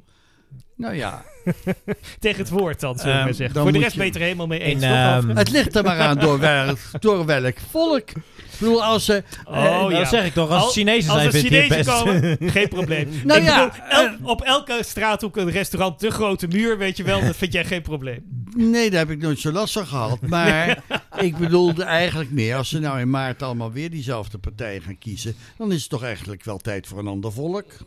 Oh, Ja, god. Maar ja, het is wel- krijgen we dat weer. Je merkt wel, toch wel, ondanks dat het een Germanisme is, dat het woord omvolking, dat dat toch wel ehm, aanslaat. Het dat het wel wordt gebruikt door Ja. mensen ook eh, uit wat andere hoeken die dat Ja. toch vaak eh, meestal dan en passant toch wel noemen van ja, Ja. er is een omvolking plaats. Ehm, In de er gemeenteraad, in de en- gemeenteraad in Den Haag gebruikte iemand van eh, de groep Mos, geloof ik, het woord omvolking. En die werd gelijk het woord ontnomen. Hè? Die mocht niet, eh, niet verder praten. Oké. Dus eh, je merkt dus aan de reactie van de boven ons gestelden, zullen we maar zeggen. Want als die Dat, dan moeten dat, zeggen... het een heel, eh, dat het een heel effectieve Maar het term is, het is weer zo'n typisch Pavlov-reactie ding. Ja. Weet je wel, als, eh, het- het- dat ene woordje, dat triggert die Pavlov-reactie. Ja. En als je het net in andere termen zou gieten, dan weer niet. Ik Ja. zou Misschien gezegd niet. hebben, dan zeg ik ontvolking. Ontvolking. Nou, ontvolking gebeurt Dat wereldwijd ook. En dat heeft te maken met dalende geboortecijfers, waar we wel eens een React-aflevering over hebben gemaakt. Maar dat is dan even een ander verhaal. Ja, ja, ja. ja, Over ja. Germanismus gesproken. Er staat nog een ehm, monument in Leipzig. Dat heet de, de Volkerkamp. Ja, Volkerslacht. De Volkerslachtmaal, denkmaal, juist. Ja, ja. Ja, nou, dat, dat, is dat, Euro- dat moeten we er een nieuwe voor hebben straks in Europa als het zo doorgaat. Ja, dat- ja, inderdaad. Ja. Dan vragen ze of er nog een Napoleon aan te bij aan te pas komt of niet. Dan krijg je tenminste nog iets voor terug. Dat is interessant. We hebben het, we hebben het geslacht afgeschaft, behalve eh, het volks... eh, Volksgeslacht. afges- afgeslacht. Slachten, zeg maar. Ja, ja, ja, ja, Met ja. slagers, inderdaad. Oh, dat komt voor jou goed uit dan, Alfred. Dan hebben we nog uit het binnenlands nieuws eh, dat eh, vrijheid van onderwijs enigszins in het geding komt. De eeuwenoude discussie die we al altijd al voeren over eh, vrijheid van onderwijs en scholen en zo. Nou ja, het is dus zo dat ehm, het kabinet eh Koranscholen wil verbieden, waar kinderen worden, zou worden geleerd dat eh, discriminatie, onverdraagzaamheid en isolationisme acceptabel is. Ik vraag me af hoe je dat gaat doen. Eh, ze gaan een wet invoeren die ze vast wil leggen wanneer het onderwijs anti-integratief, antidemocratisch of anti-rechtsstatelijk is. Zodat de onderwijsinspectie direct kan optreden. En dan moet er ook een meldpunt komen, ja, want waar zijn we in Nederland zonder verklikkers natuurlijk, eh, waarin, eh, waarbij ouders en leraren hun zorgen over deze informele scholing kunnen uiten. Het gaat dus kennelijk om informele scholing, informeel onderwijs. En dat is natuurlijk wel heel, Ja, zonder heel scholen. moeilijk, ja, maar dat is dus ook heel moeilijk om aan te pakken. Want in principe krijgen ze- ze geen subsidie, mag ik aannemen. Dus hoe ga je dat dan aanpakken? Nou, door luistervinken neer Maar te voor dit soort wet, dat keert natuurlijk ook op precedent dat bijvoorbeeld de catechese voor de, kat- voor de christelijke scholen ook eh ja, aangepakt ja, als daar gezegd worden. wordt dat homoseksualiteit tegen het, eh, het woord van God is, dan is dat natuurlijk wel tegen het zere been en moet er wel flink opgetreden Ja, gaan maar je worden. zou ook Ja. kunnen denken dat je hoofddoekjes verbiedt, want dat is toch zeer... eh, Anti-integratief. Ja, Nou, maar die een zijn woord, toch verboden, dacht ik. Hoofddoekjes hebben we in de toch op hoge wet. klas toch niet? Dacht Waar dat zijn ze een- dan wel verboden? Ik, ik, ik, dacht zie dat- ze overal, ze zijn nergens verboden. Nee, volgens mij wel. zijn ze zijn Ja, de niqabs en, nee, niqabs en dergelijke zijn verboden. En volgens mij zijn hoofddoekjes voor publieke ambtenaren en dergelijke verboden. Ja. Iets, iets in die trend ja, was maar het. toch niet in- voor het onderwijs. In ieder geval niet voor de leerlingen. Sowieso al niet.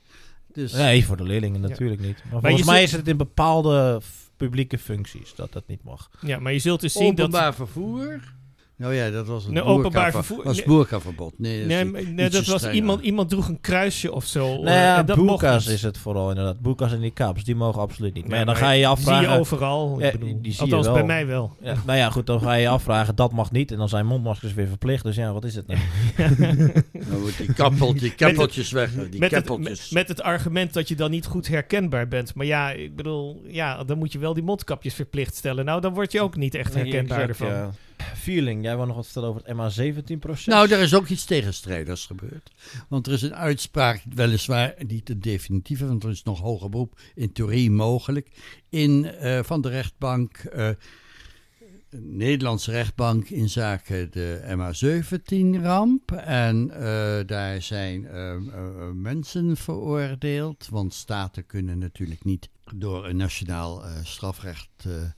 Forum van een ander land eh, worden ehm, berecht. Eh, maar de rechter heeft gezegd: ja, eigenlijk is het niet een internationaal conflict. Want je hebt een staat, Oekraïne, en je hebt rebellen. De, maar ja, omdat de rebellen, rebellen naar onze eh, mening, onderzoek, volstrekt onder controle van de Russische Federatie staan, is het toch eigenlijk wel een internationaal conflict. Maar ja, als je dat stelt, dan heeft dat grote consequenties. Want dan moet je namelijk de strijdende partijen immuniteit geven als combattanten, als strijders, van eh, gewoon eh, strafrecht. En dan vallen die mensen eigenlijk onder oorlogsrecht. Maar ja, dat doet hij niet. Hij geeft de verdachten, eh, nu veroordeelden, geen recht op immuniteit. Want, zegt hij, ja, maar het Russische leger erkende ze helemaal niet als deel eh, van hun Dus van eigenlijk eigenlijk zijn het, leger. het zijn frank-tireurs, guerrilla's. Ja, dat is... Met Ja. een raketwerper. En dus eh, vallen ze gewoon onder strafrecht. Dat is één zaak waarvan ik me afvraag of dat overeind kan Wacht blijven. even, ik snap het nog niet helemaal. Oh. Aan de ene kant zegt hij, aan de ene kant zegt die rechter dus zo van ja, het is een, wel een internationaal conflict. En aan de andere kant zegt hij zo van ja, maar we gaan niet, niet het, eh, het oorlogsstrafrecht Ja. toepassen. Ja, ja, dat is natuurlijk... Dat is eh, natuurlijk wel even in de context voordat de oorlog echt oorlog Ja, ja, ja, ja. uitbrak. Dat is, dit is het, ten datum van was er natuurlijk was nog er wel die, die lage schaal intense oorlog zonder een open verklaring van oorlog. Ja, Ja. Nou, ja oké, er is nog steeds geen open verklaring van oorlog, want het is een po- soort politionele actie. Ja, ja. Maar goed, ja, Precies. Ja. Nou, en, en, en dan ehm, heeft men natuurlijk, dat was al heel merkwaardig. Kijk, in de dagvaarding, hè, want daar gaat altijd een strafproces gaat over de, eh, de bewijsplicht van de OM van de dagvaarding, eh, de tenlastelegging. Eh, ja, daar staat. Eh, daar staan de, de, daad, de daders niet in. Er wordt gezegd. eh, de data? je- de, de Daders. daders. Er, wordt- er, er, wordt- Oh, er de is helemaal niet gezocht of gevonden wie eigenlijk daar die, eh, eh, dat ding heeft neergeschoten. Maar ze En- hebben toch vier mensen veroordeeld? ja, maar die hebben het niet. eh dan krijg je dus moeilijke begrippen. Medeplegerschap, medeplichtigheid, functioneel medeplegerschap. Oh. Allemaal eh, uitgedokterd, eh, waarvan, eh, nou, internationale strafrecht eh, eh, deskundigen zoals eh, Christopher Black zegt, dat is natuurlijk boekie boekie. eh, eh, Boekie boekie? eh, jurisprudentie, Wat want er valt zo langzamerhand iedereen eronder als je Nee, daar... jij- jij bedoelt dat die mensen zijn, die vier mensen zijn niet mensen die Het eh, ter plekke hebben? afgeschoten hebben, maar die ergens in het proces een rol Nou hebben ja, gespeeld. en, dan Nou ja, en daar- criteria zijn... eh, Het is dat- Poetin! Poetin Ja. is de duivel, dat is duidelijk. Nou, functioneel. Oh, dus ze hebben eh, eh, het schietwapen eh, gebracht, eh, eh, ergens neergezet, eh, nadien eh, weggereden, eh, sporen uitgewist. Aan dat soort dingen moet je denken. Dus niemand weet wie is geschoten. Dus nou, nog één van ze heet Strelkov. En Strelkov betekent in het Russisch schutter. Dus ik denk dat hij het was. Ja, ja, ja, ja. Natuurlijk. Maar er is dus een Iemand die wet. slager Ja. heet, die en is toen heeft men een, een, een wet uit de strafrecht, gewoon eh, strafrecht gehaald. Van ja, je mag niet zomaar een, een boot laten zinken, een schip laten zinken, dus ook geen vliegtuig naar beneden laten halen, eh, zomaar. En eh, nou ja, en dat je dan misschien eh, je hebt vergist omdat je dacht een. Een, een, een jachtvliegtuig neer te halen en het is een passagiersvliegtuig. Ja, dat doet dan toch niks af aan je opzet en voorbedachte raden. Eh, dus, Hoezo niet? Ja, dat zegt deze Oh, oké, rechter. ja. Deze rechtbank. En dat is natuurlijk heel, heel vreemd, want dat artikel is nog nooit gebruikt in een oorlog. Maar Oh. mag je... Kijk, er zijn die vier mensen die ze dan inderdaad aanklaagt. Die moeten dan toch ook... ja, Ik weet niet hoe dat in juridische termen heet. Maar er moet toch ook duidelijk zijn dat er iets kwalijks mee gaat gebeuren met, dat, met die bug. Want als jij gewoon... Ja. eh, bij wijze van spreken een bug van eh, Ja. naar, naar de lagere rangen in het leger Ja, eh, af, aan, afgeeft, dan zou je kunnen zeggen dat is gewoon deel van je werk. ja. Maar je moet, je moet toch Nou ja, kunnen... maar iedereen weet wel dat zo'n ding. Ik bedoel, eh, die mensen, dat zijn niet zomaar mensen die even met een tractortje rijden. Je, je is een hele opleiding nodig. Ja, ja, ja. eh, voor zo'n ding te, überhaupt al te vervoeren. Daar hoort een, eigenlijk ook een radarwagen bij en hoe je het moet opstellen. Niet bij bomen, niet bij dat. Je weet heus wel dat dat ding gevaarlijk... Natuurlijk, als je dat afschiet, komen er gevolgen van. Maar eh, er is natuurlijk nog wel iets waarvan ik... ja, ik kan wel uren over het proces praten. Maar het, eh, wat mij ook nog opvalt, eh, was dat er natuurlijk... één meneer is vrijgesproken notabene voor zowel medeplegerschap, functioneel medeplegerschap, eh, ook niet eh, in groepsverband iets mis te hebben gedaan. Volledig vrijgesproken. Ja, volledig. En de- eh, meneer Poulatov namelijk, die is door Nederlandse ehm, advocaten, de heer Van Eyck en mevrouw eh ehm, Hoeschaten, ehm, eh, verdedigd. Eh, eh, maar eh, ja, ik merk daar wel bij op. eh, daardoor zullen zij wel niet in hoger beroep gaan. Want ja, de, Ja, ja, ja, ja. en zij hebben namelijk niet alleen maar hun mannetje verdedigd. Ze hebben het hele OM-scenario eh, eigenlijk eh, ondergraven. En daar heeft de rechter, deze rechter wel, eh, vind ik, vrij lichtvaardig overheen gepraat. Met anonieme getuigen. Af, ik ga dat allemaal niet eh, vertellen. Maar eh, daardoor eh, komt er waarschijnlijk helemaal geen hoger beroep. Want want de, andere die- drie, want de andere drie erkennen überhaupt deze rechtbank niet. En het o, of het OM nog in hoger beroep gaat, omdat hij inderdaad twee vermaningen heeft gekregen van deze rechter. Dingen in de publiciteit gebracht wat niet mocht. En een paar bepaalde dossiers niet. Enfin, er zijn een paar van die dingen waar het OM wel een, een tik heeft gekregen. Maar of zij daarvoor nu in hoger beroep zullen gaan, hangt natuurlijk, is natuurlijk een politieke vraag. Eh, dit is een mooie afronding voor meneer Rutte en zo, eh, als kapstok ja. van De politiek. onderste Zogenaamd- steen hebben ze gevonden. Ja, Ja. zogenaamd. zogenaamd En dan moet de je onderste misschien niet ja. te verder gaan zeuren. Want Nee, nee. mensen Hij lag zijn... onder een stapel briefjes van 1000 euro die hij nog niet had uitgedeeld. Ja, nou ja, laat ik zeggen, die, die, men is al een beetje Oekraïne-oorlog moe. En dat proces is al haast vergeten en ook al moe. Nou, die, Ja. dat, die nage, eh, eh, nabestaanden, die, eh, die zijn nou tevreden gesteld. Die georganiseerden althans. Ja, ja. En, maar het is eh, puur een symbolische eh, ja, het is een kapstok voor eh, publiciteit, voor desinformatie. Want- En, en, en, een vreselijke vertelt- schending van de minst eh, eh, fundamentele beginselen van strafproces. Ja, ja oké, maar wat je, het gaat om de media. Want wat jij mij hier nu vertelt, dat ze veroordeeld zijn voor mededaderschap en zo, dat vind je dus nergens Nee, terug. Hè? nee. Je vindt alleen maar terug in de media, daar zijn dus, eh, die mensen zijn veroordeeld vanwege MH17. maar Sterker het is nog, helemaal geen nog, directe... de rechter ging buiten zijn boord, want die heeft dus gezegd... buiten ja, boek- buiten zijn boekje bedoel buiten je? zijn boekje, want die heeft gezegd... Ja, wij vinden dat eh, eigenlijk Rusland dat heel, helemaal onder controle heeft. Dus eigenlijk zegt hij, Rusland heeft het gedaan. Ja. Eh, maar ja, dat kan hij niet, want Rusland staat niet terecht. Maar dit, eh, dit proces, als het zo blijft, deze uitspraak, dus die geen hoog beroep komt, is wel een grondslag voor de private processen die straks tegen, tegen Rusland worden gevoerd om de schadevergoeding. Oké, Ja, maar, dit is dus- privaatproces tegen Rusland, dat kan toch niet? Je moet... er- Je, Ja, privaat gaat het wel. Dus kunnen ze. Dus laat ik maar- zeggen, ik Maar zeg niet strafrecht. Dan gaat het naar de Raad van Europa, dan gaat het naar andere gremia dan nationaal strafrecht. Maar het is natuurlijk in totaal een farce, want die mensen zijn in absentia veroordeeld. Niemand is ooit Ja, ja, in die precies. rechtbank geweest. Eh, Ja. ja. het is een, een nou ja, dat Nee, maar is wat echt- de echte verstekveroordelingen zijn best wel mogelijk. Maar er zijn een heleboel dingen niet mogelijk. Dat je het hele forensisch onderzoek uitbesteedt ook aan, aan de verdachte zelf. Eh, dat je je helemaal vaart alleen maar op bewijsmateriaal van een inlichtingendienst van een ander land. Dat je de Van Oekraïne, bewijs, niet van juist, Rusland. Dat je het bewijsmateriaal van Russische zijde allemaal onbetrouwbaar vindt en niet tot het procesdossier Ja, toelaat. ja, ja, ja, dat je anonieme eh, getuigen hebt, dat die nauwelijks mochten worden verhoord. Ik kan wel aan de gang blijven. Van. Dat je geen, eh, in Nederland kennen we niet de, de custody, dus een verslag van waar je iets hebt gevonden, materiaal, en in wiens handen dat allemaal is voordat het bij de rechter was. En vergeet ook niet dat de, de, de locus delicti, waar het was, daar maandenlang is daar niemand geweest. Juist. Ja, Ja, enzovoort. Ze kan van alles. Het hele onderzoek Kortom- is dus een farce, Ja. eh, heel duidelijk.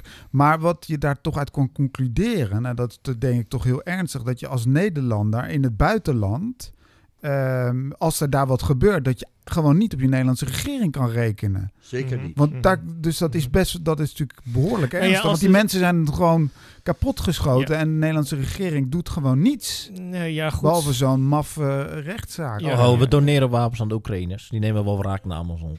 Ja, ja. Nee, maar ik had ook, maar ik heb een paar dingen wel even naar gekeken. Maar denk alleen aan de, over dat vliegtuig waar dat vlieg, wat, eh, vliegtuig vloog. Dat werd dan bijgehouden met radars. Mhm, Eh, Waaronder ook militaire radars. mhm. Toen werd gevraagd aan Oekraïne, eh, wij hebben die informatie nodig. Ja. Ja, maar die stonden allemaal uit. Ja, dat is Toen opvallend. kwam maar een expert naar de Tweede Kamer toe.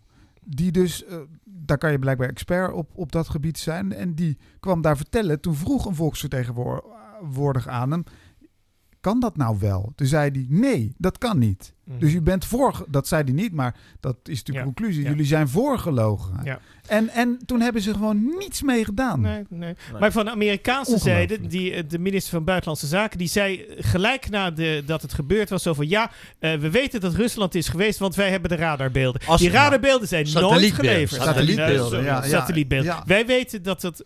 Maar Hadden we nou maar, als, als Elon Musk dat Starlink-project nou maar wat eerder had gehad, Ja. dan had hij vast een mooie troll kunnen doen met Nee, zeggen, maar- nee hoor, hier heb je de foto's. Nee, maar kijk, dus de Nederlandse regering heeft helemaal niets gedaan om van de Amerikanen dan dat zogenaamde bewijsmateriaal Jawel, dat hebben ze wel geprobeerd. Ze Echt hebben zelfs, geprobeerd? Ja, ze Of hebben zelfs, formaliteit? Nou, nee, ze hebben iemand gezonden, ik zal de naam nu niet zeggen. Die was er dan bij en die had dan even dan mogen zien en die gaf dan een verslag. Maar dat van horen zeggen mag in, is natuurlijk niet toegelaten in de, eh, in de rechtszaal, en bij, bij, bij het strafproces, in het pro- procesdossier. Hm. En de Amerikanen hebben geweigerd verder inlichtingen te vinden. Overigens de Oekraïne en de Russische ook. Niemand geeft satellieten. En als ze het al geven, dan eh, zeggen ze we hebben niks, eh, dat ze er zijn. Ja, we hebben er niks op gezien. Stond uit. En ik wil nog één ding belangrijk, want dat is, de mensen met, niet bekend zijn met strafrecht begrijpen het niet.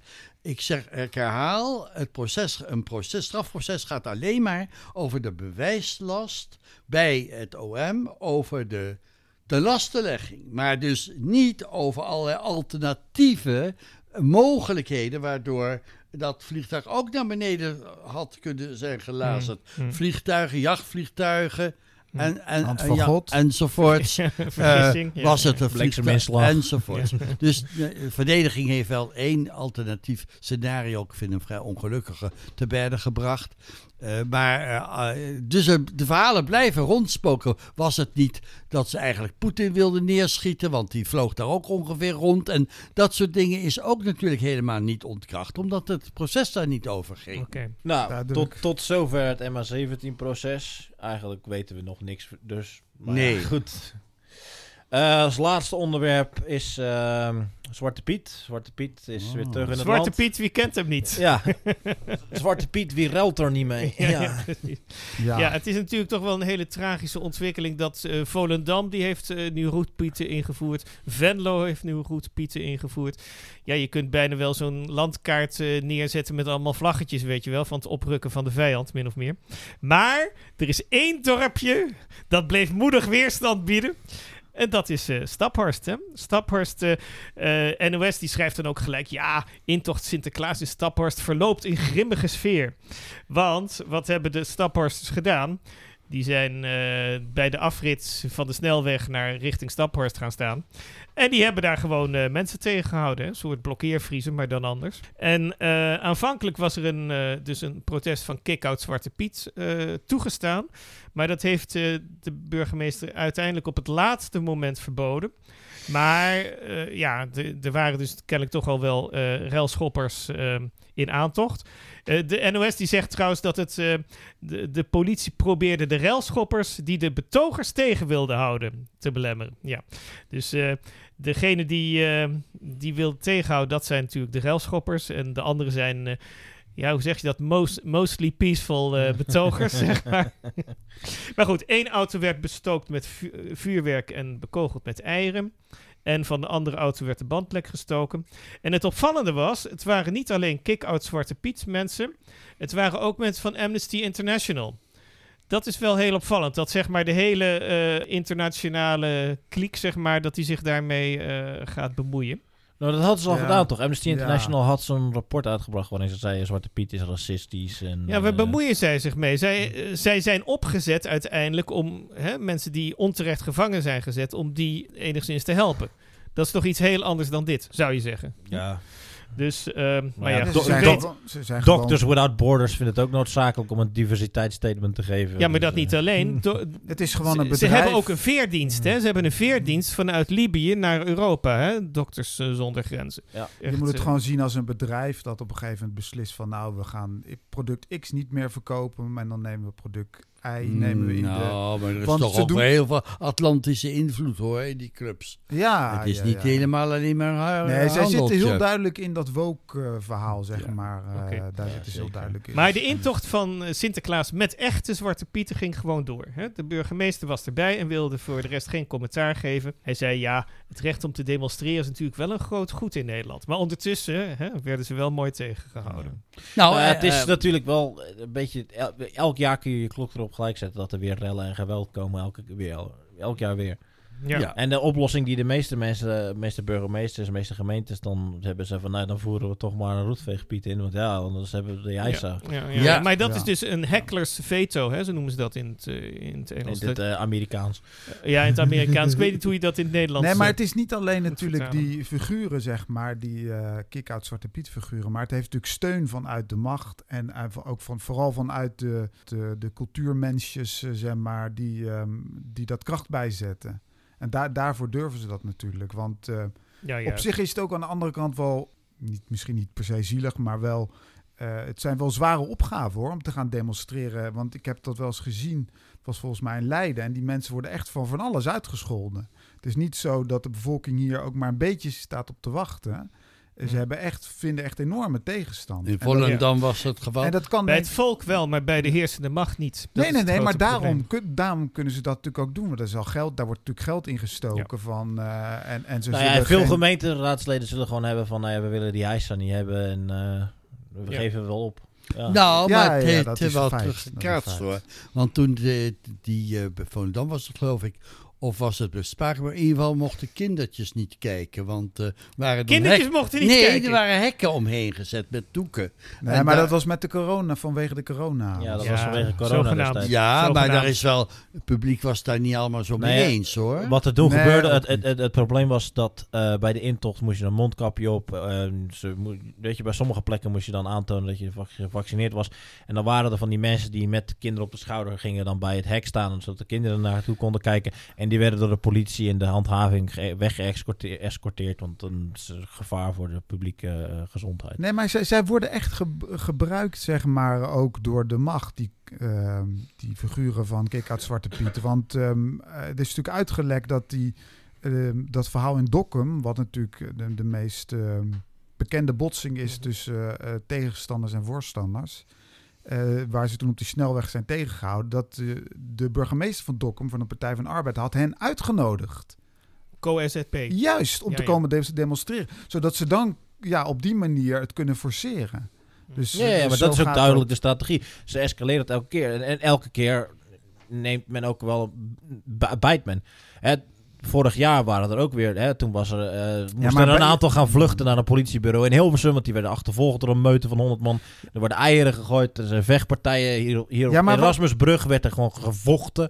Ja, maar bedoel, kan, je- kan, je- je, kan je anders als eh, de- zo'n voorman van die mensen... die heeft het over eh, Zwarte Pieten, Sinterklaas in elkaar slaan... of in dergelijke bewoordingen. Ja, eh, En- eh, en dat soort- ook Alfred Ja, en, dat soort mensen komen Ja. dan naar je kinderen toe, zeg maar. Die daar, dan denk je natuurlijk ook van... ja, dan kan ik ze maar beter bij de snelweg tegenhouden dan... eh, Tuurlijk, maar het, de- hun strategie van die mensen is het te laten escaleren naar dit. Zodat de volgende keer de, de, de politie en de, en de gemeente zoiets hebben van, nou, Doe maar niet. Doe maar niet. nee, Ja. dat begrijp ik wel. Maar, ja. Ja. Maar goed, wij staan achter Staphorst. Nou, geweld, Ja, geweld is Paul natuurlijk is, is, duidelijk niet de oplossing. Want als je dus geweld gebruikt, dan geef je ze wat ze wil. En Ja, dan geeft de ja. gemeente volgend jaar in. Ja. Dus eh, bedenk een betere strategie, is de boodschap die ik zou willen geven. Nou, werkelijk Nou. zal niet makkelijk zijn. Nee. Want ik ben zelf eh, dit jaar ook gekeurd Sinterklaas. Met Ja. zwarte pieten Ja. om me heen. Ja. En eh moet nog maar zien hoe het afloopt. Ik ga natuurlijk niet zeggen waar. Mhm. Maar ehm, dus, en ik ben ook een keer eerder geweest, wat trouwens heel bijzonder was. Mhm. Want er kwamen nou juist in midden in Den Haag juist allemaal moslimkindertjes lief naar me toe en zo. En Ja. de, En jij had een heel groot boek waarin al de misdaden stonden van die moslimkindjes. Dus je gaf ze allemaal de gart. Iedereen kreeg de roep. Of de roes, sorry. De Dat doet. Zwarte Piet. Die is van het straf. Ja, maar eh, kijk, nee, maar Sinterklaas beveelt de Zwarte Piet. Hè. Dat, daarom is het ook racisme natuurlijk. Hè. Dat snap je wel. Nee, want ik heb dan kunnen vertellen dat ik juist de slaven heb vrijgekocht. Dus eh, dat het er niks met racisme Oh? heeft te maken. Heb jij slaven dan- vrijgekocht? Ja, dus Sint-Nicolaas in Smyrna. Oh, wat die- ben jij die een kut, kocht- zeg. Niet te Die geloven. kocht de, kocht de Moorse Trump slaven vrij. En daarom zijn die Pieters, die, die stellen de, De- voor. nee, je haalt- hij je ze haalt- ook een leefloon Sorry, gegeven? zie, je haalt wat dingen door elkaar. Ja, ik weet ook wel dat ik tot aan de voor pre-islamitische Zoroasters kom als ik dat ga uitleggen. Maar Ja. dan komt die kindertjes niet eventjes Toch Sint Sint, Nicolaas leefde voordat islam eh, er was. Dus het waren geen moren die die vrijkocht. Hij, hij staat er wel onbekend dat hij liefdadigheid deed. Een van de verhalen heeft waarom er gouden ballen een van de symbolen Wat van de gouden nou ballen? Gouden ballen zijn een van de symbolen van de is Sint. gek? Natuurlijk is de islam eh, ouder dan die eh, Sint-Nicolaas in Smyrna. Nee, dat is niet waar. De bisschop van Mieren, Ah. dat is 365 ongeveer. Ja, Oh ja, maar Ja, echt ja, waar. maar islam is dat- 630 na Christus. Ja, maar dan begrijp je de islam niet, want het begon... de islam is er eeuwig en altijd. Die, die, Ja, ja, Net die zoals dat Taiwan niet bestaat Ja, en er is niks gebeurd op dat plein, is de islam er altijd al geweest. ja.